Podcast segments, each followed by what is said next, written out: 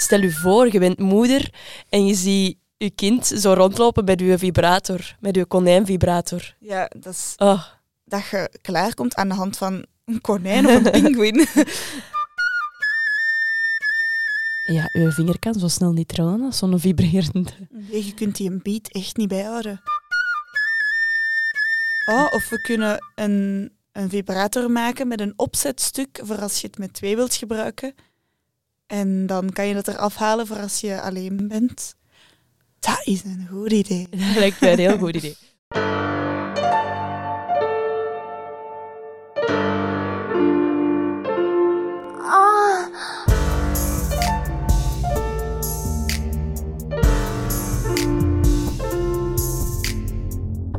Seksklap. Hallo, welkom bij Seksklap, een podcast waarbij ik, Lien, samen met Hanne de seksindustrie volledig blootleg. Ja, we duiken de wereld in van porno, seksclubs en zoveel meer. Je luistert naar Seksklap aflevering 3 over seksspeeltjes. Een dildo, luchtdrukvibrator, kokkering, pocketpussy, buttplug, anale kralen. Het aanbod in seksspeeltjes is gigantisch. En de markt wordt nog altijd groter en groter. Van de allereerste schets tot een volle schuif in je nachtkastje, we spreken erover met Lisa Kleijsen. Op dat moment zeiden mensen tegen mij van, oh jij gaat vast ooit dildo's ontwerpen. En toen dacht ik nog van, nou ja, het zou wel leuk zijn, maar geen idee, dat is niet echt een baan waar je aankomt. En toen kwam het dus toch op mijn pad. Zij heeft misschien wel jouw vibrator ontworpen. En met Ann Kuivers. 27 jaar lang uitbaatster geweest van eroticazaak De Erotische Verbeelding in Antwerpen. Want een orgasme krijgen is zo gezond. Er zijn zoveel voordelen aan verbonden. En dat ontdek je misschien maar door een speeltje dan ineens. Hoe zou jouw ideale seksspeeltje eruit zien? Ehm amai, dat is een moeilijke vraag. Misschien moeten we er gewoon zelf eentje proberen ontwerpen. Ja, we ontwerpen er een en wie weet wordt dat gewoon het seksspeeltje en dan wil iemand dat publiceren voor ons. En dan verdienen wij bakken geld. Ja, want daar, daar is volgens mij inderdaad het geld te vinden. Ik zou voor een speeltje gaan waar de clitoris de hoofdrol krijgt. Ja. Als die het meest gesoigneerd wordt, is het goed. Dan zijn we al ver. En ik zou ook wel sowieso gaan voor iets dat trilt. Een vibrerend speeltje doet het volgens mij wel. Ja, dat zijn, de, dat zijn wel de populairste, denk ik. En ook gewoon omdat de, ja, je vinger kan zo snel niet trillen als zo'n vibrerende. Nee, je kunt die een beat echt niet bijhouden. In speeltjesland zijn er natuurlijk ehm, heel veel ehm, speeltjes die vibreren. En de vibrerende hebben altijd wel hè, duidelijk de overhand gekregen.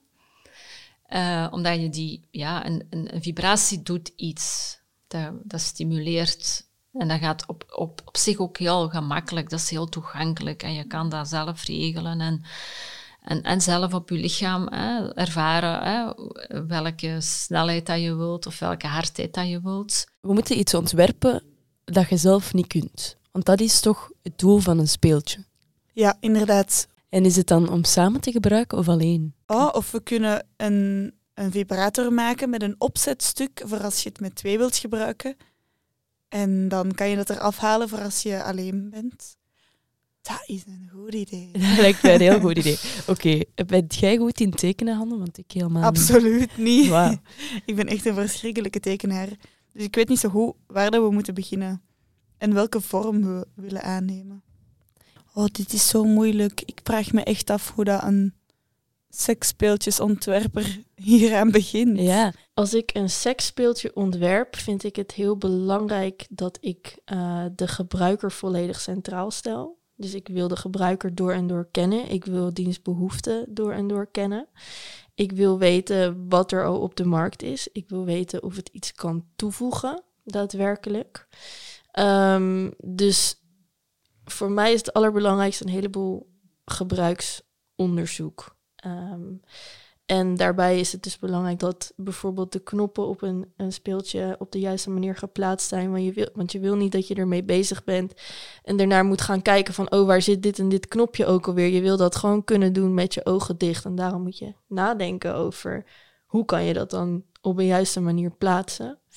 En uh, ook schoonmaken bijvoorbeeld is ook een ding waar wat veel mensen lastig vinden en niet, ja, waar ze een beetje tegenop zien daarna. Dus dat zijn ook dingen waar je rekening mee moet houden van hoe kan ik nou zorgen dat dat soort processen ook prettig verlopen.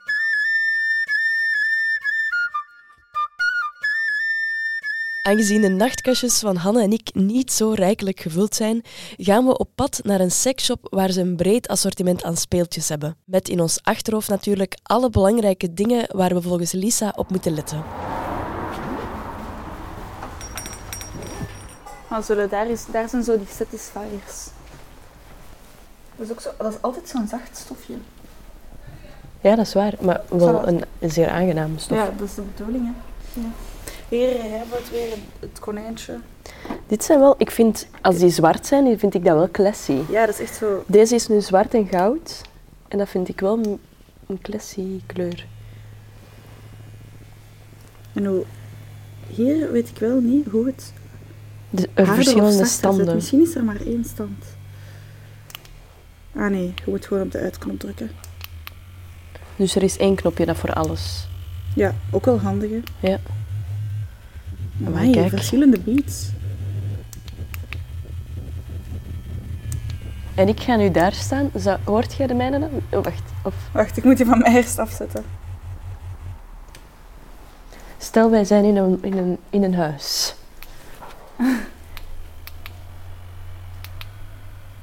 Staat hij nu hard bij u?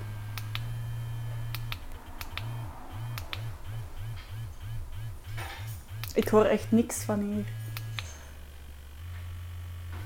Dit ja, nu wel, nu wel. Maar ja, je gebruikt het toch meestal ook in een andere kamer en zo. Dus. Ah, maar deze top zit beneden. Ah.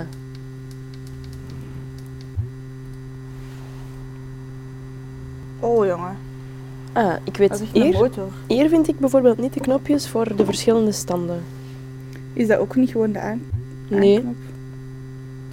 Misschien draaien? Ah nee, langer duwen, dan gaat hij harder gewoon. Ah ja, dat is op zich nog wel gemakkelijk. Oh. Amai. Het trilt uit mijn handen. En nu krijg ik het niet meer af. Ah.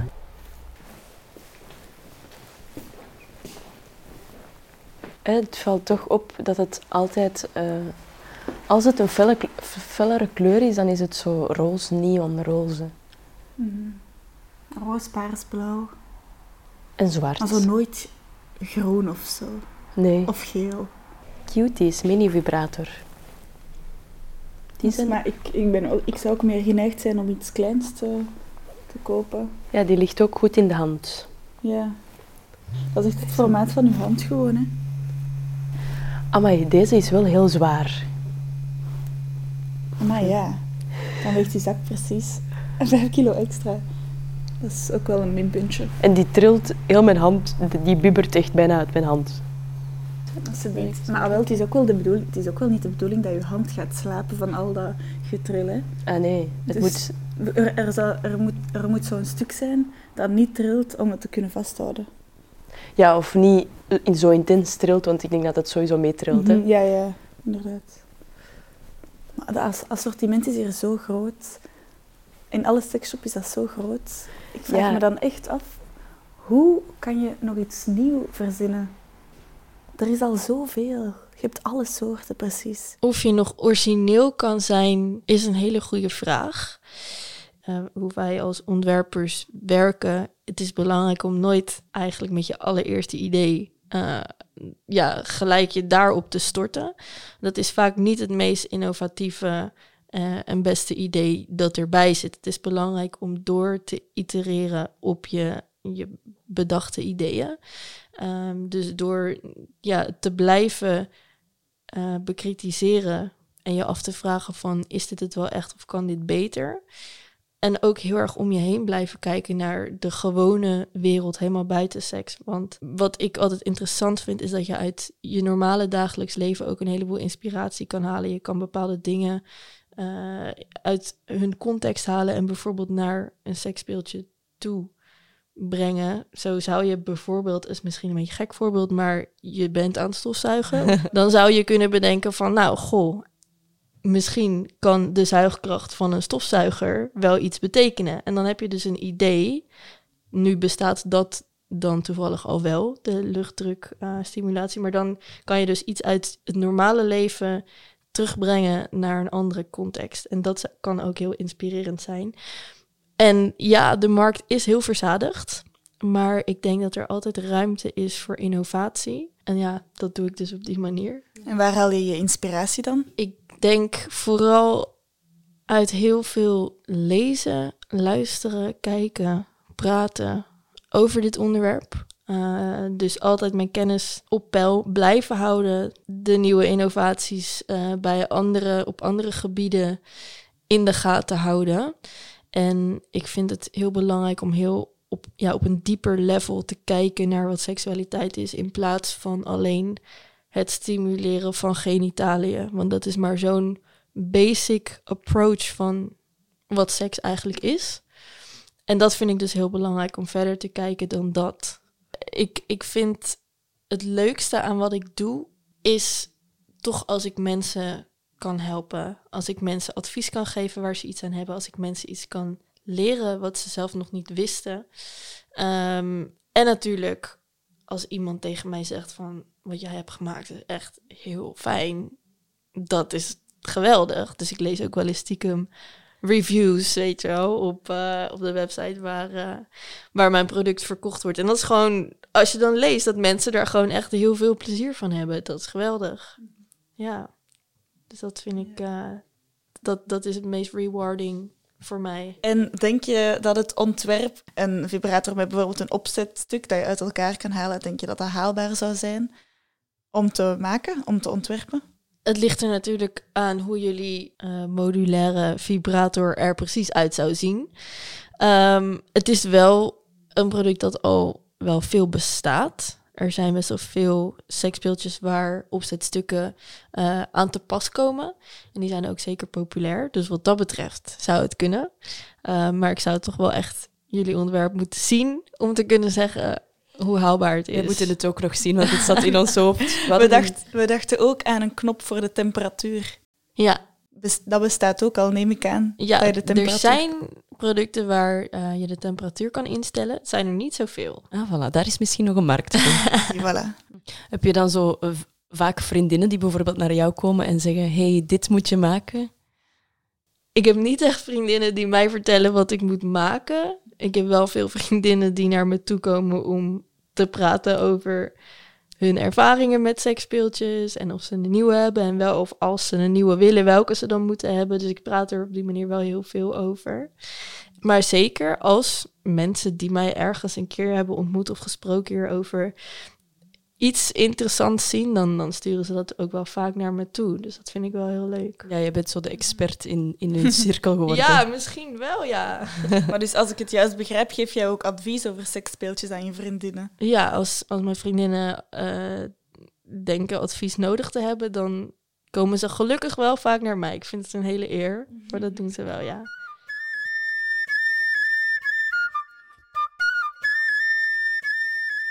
Bij Lisa blijft het momenteel bij advies geven aan haar vriendinnen. Anne Kuivers die maakte er 27 jaar geleden haar job van. In de beginjaren was het advies zo van, uh, hoe werkt een vibrator? Van, ah, daar stik je de batterijen en daar op dat knopje duw je. Hè? Maar nu is het zo van, dat weten ze wel, zo van technisch gezien, van, ah ja, want alles is oplaadbaar en oké. Dat is zo dat is, dat is eigenlijk het gesprek niet meer. Nu is het van, ja, wat kan ik daar allemaal mee doen? En ik heb dat zo gedaan, ik heb dat zo gedaan, ik zit daarmee.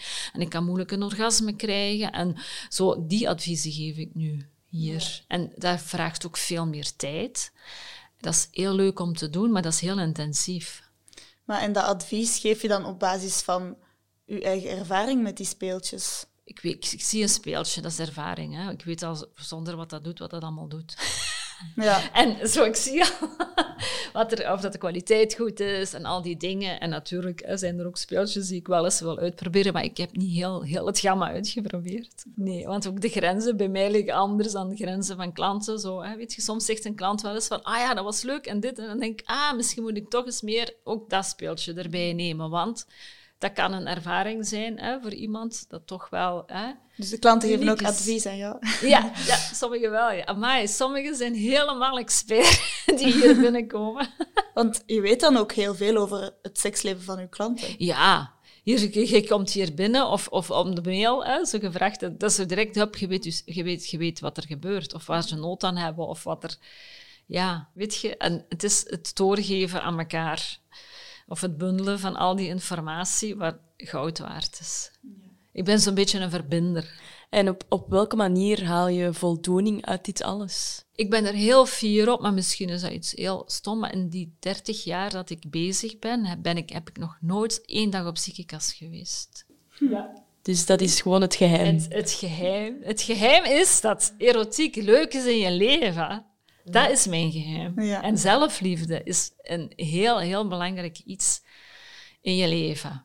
En dus die zelfliefde, die, die, eh, als je dat eens weet hoe dat je dat kan toepassen in je leven, dan uh, dat is een, een, een hele fijne bron om altijd op terug, terug, om altijd, uh, op terug te vallen.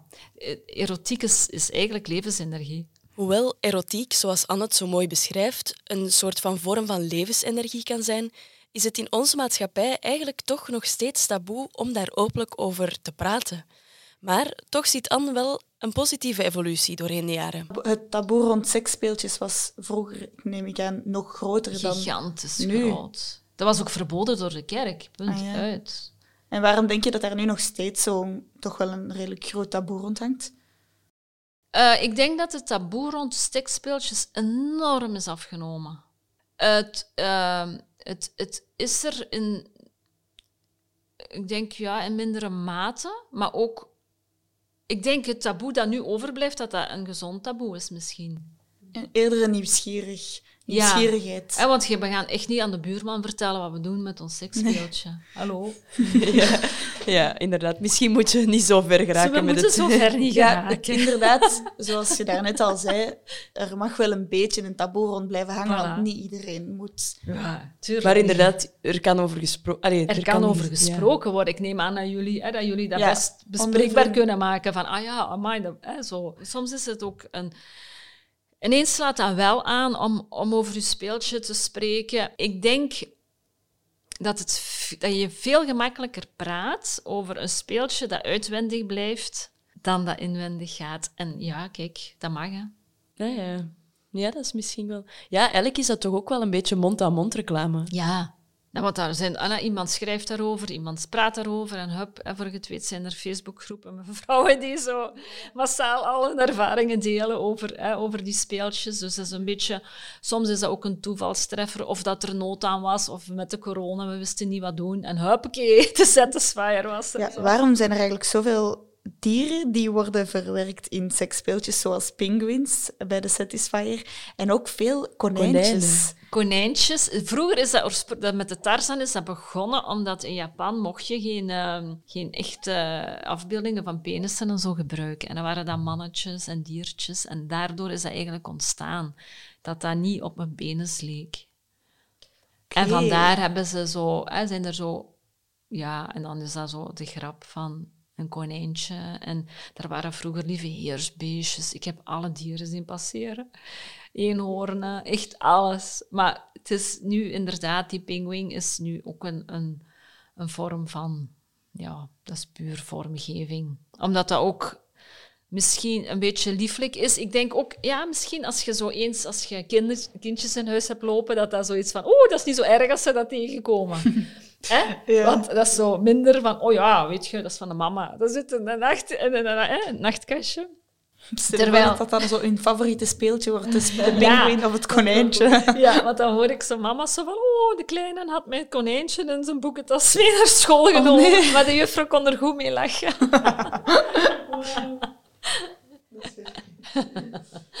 Als er nog iets is waarvan jij denkt, dit moeten de luisteraars zeker weten over seksspeeltjes of erotica-zaken, dan mag je dat natuurlijk nog zeggen. Het gevoel dat ik heb met seksspeeltjes is, het moet toch ergens zondag zijn in deze wereld. Ja. Zo, zo moet je naar seksspeeltjes. Alleen nee, op die manier kan je naar seksspeeltjes kijken. En ook in een mooie een, een cadeautjestijd naar elkaar toe. De gever maakt het geschenk waardevol. Dus wie een seksspeeltje koopt voor iemand anders, die maakt uiteindelijk heel dat pakketje nog meer waardevol. Want je krijgt wel een seksspeeltje, maar ook nog van die persoon. Ja, het is anders om een te krijgen van Ja. je moeder dan van... Ja, ja. ja, dus het moet wel van iemand speciaal komen. Zo. Dan is het effect dubbel zo groot. Ja, want dan gunt die dat. Ja, die gunt u echt. een genot. Ja, dat is eigenlijk wel echt een mooie manier. Hey, Vanaf nu geef ik alleen nog maar seksspeeltjes aan mensen. Ja, hoe mooi is de wereld dan? Misschien moeten we elkaar wat meer... Allee, zo. Ja, zo, hey, we moeten dat meer op onze... Ja, Verlanglijstjes. Ja, maar dat moet je dan krijgen van iemand die u echt aan uw hart ligt. Zo. Ja. Ja, ik wil dat ook niet aan mijn, van mijn broer krijgen. ja, als je zo op kerst naampjes trekt en Ja. het is dan nu ach- nee. achter een neef die je Nee, eigenlijk niet dat wil je tegen- niet. Nee, nee, dank u. Nee, dat willen we niet. Oké. Wat mij dan toch opvalt, een seksspeeltje maken is echt wel meer werk dan ik dacht. Ja, en bovenop het ontwerpen en het maken komt er ook nog eens de, de, de nodige creativiteit bij kijken. Want je moet natuurlijk voor iedereen iets kunnen maken, zodat er voor iedereen wat wils is. Ja, en hoe... het is ook moeilijk om nog nieuwe dingen te bedenken. Er is zoveel. Echt van een pocket pussy tot een luchtdrukvibrator tot allemaal verschillende dingen om in je anus te steken. er is zoveel. Ja. Maar toch blijft dat verkopen. Ja, maar wel eh, chapeau voor eh, de mensen in de industrie van de seksspeeltjes. Want eh, het is geen makkie, denk ik. Nee, dat denk ik ook echt dat die job toch wel onderschat wordt. Dit was aflevering 3 van Seksklap, een podcast van Hanne Abeloos en mezelf, Lien Thijs. Volg Seksklap zeker ook op Instagram. Je vindt ons gewoon door Seksklap in te tikken en te volgen en laat zeker weten wat je ervan vond. Oh ja, en vergeet de podcast ook geen sterren te geven natuurlijk. Hoe meer, hoe beter.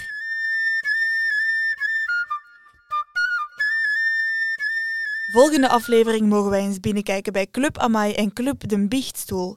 Twee parenclubs, maar allebei totaal anders. We hebben de neukzolder, we hebben de sekscinema, we hebben de spiegelkamer, we hebben de gevangenis, we hebben de kruipruimte, de boeddha-ruimte, het orgiebed, de eh, Arabische kamer, de BDSM-ruimte, de gynaecologenruimte, het, het steegje, de kooi. Ja, Dat is allemaal in dit pand. Dat is allemaal in dit pand. Ja. Mogen wij straks eens kijken? Zeker, zeker. Ben je ook zo benieuwd naar al die kamers en wil je graag mee met ons op auditieve rondleiding? Luister dan naar aflevering 4 van Seksklap. Ah,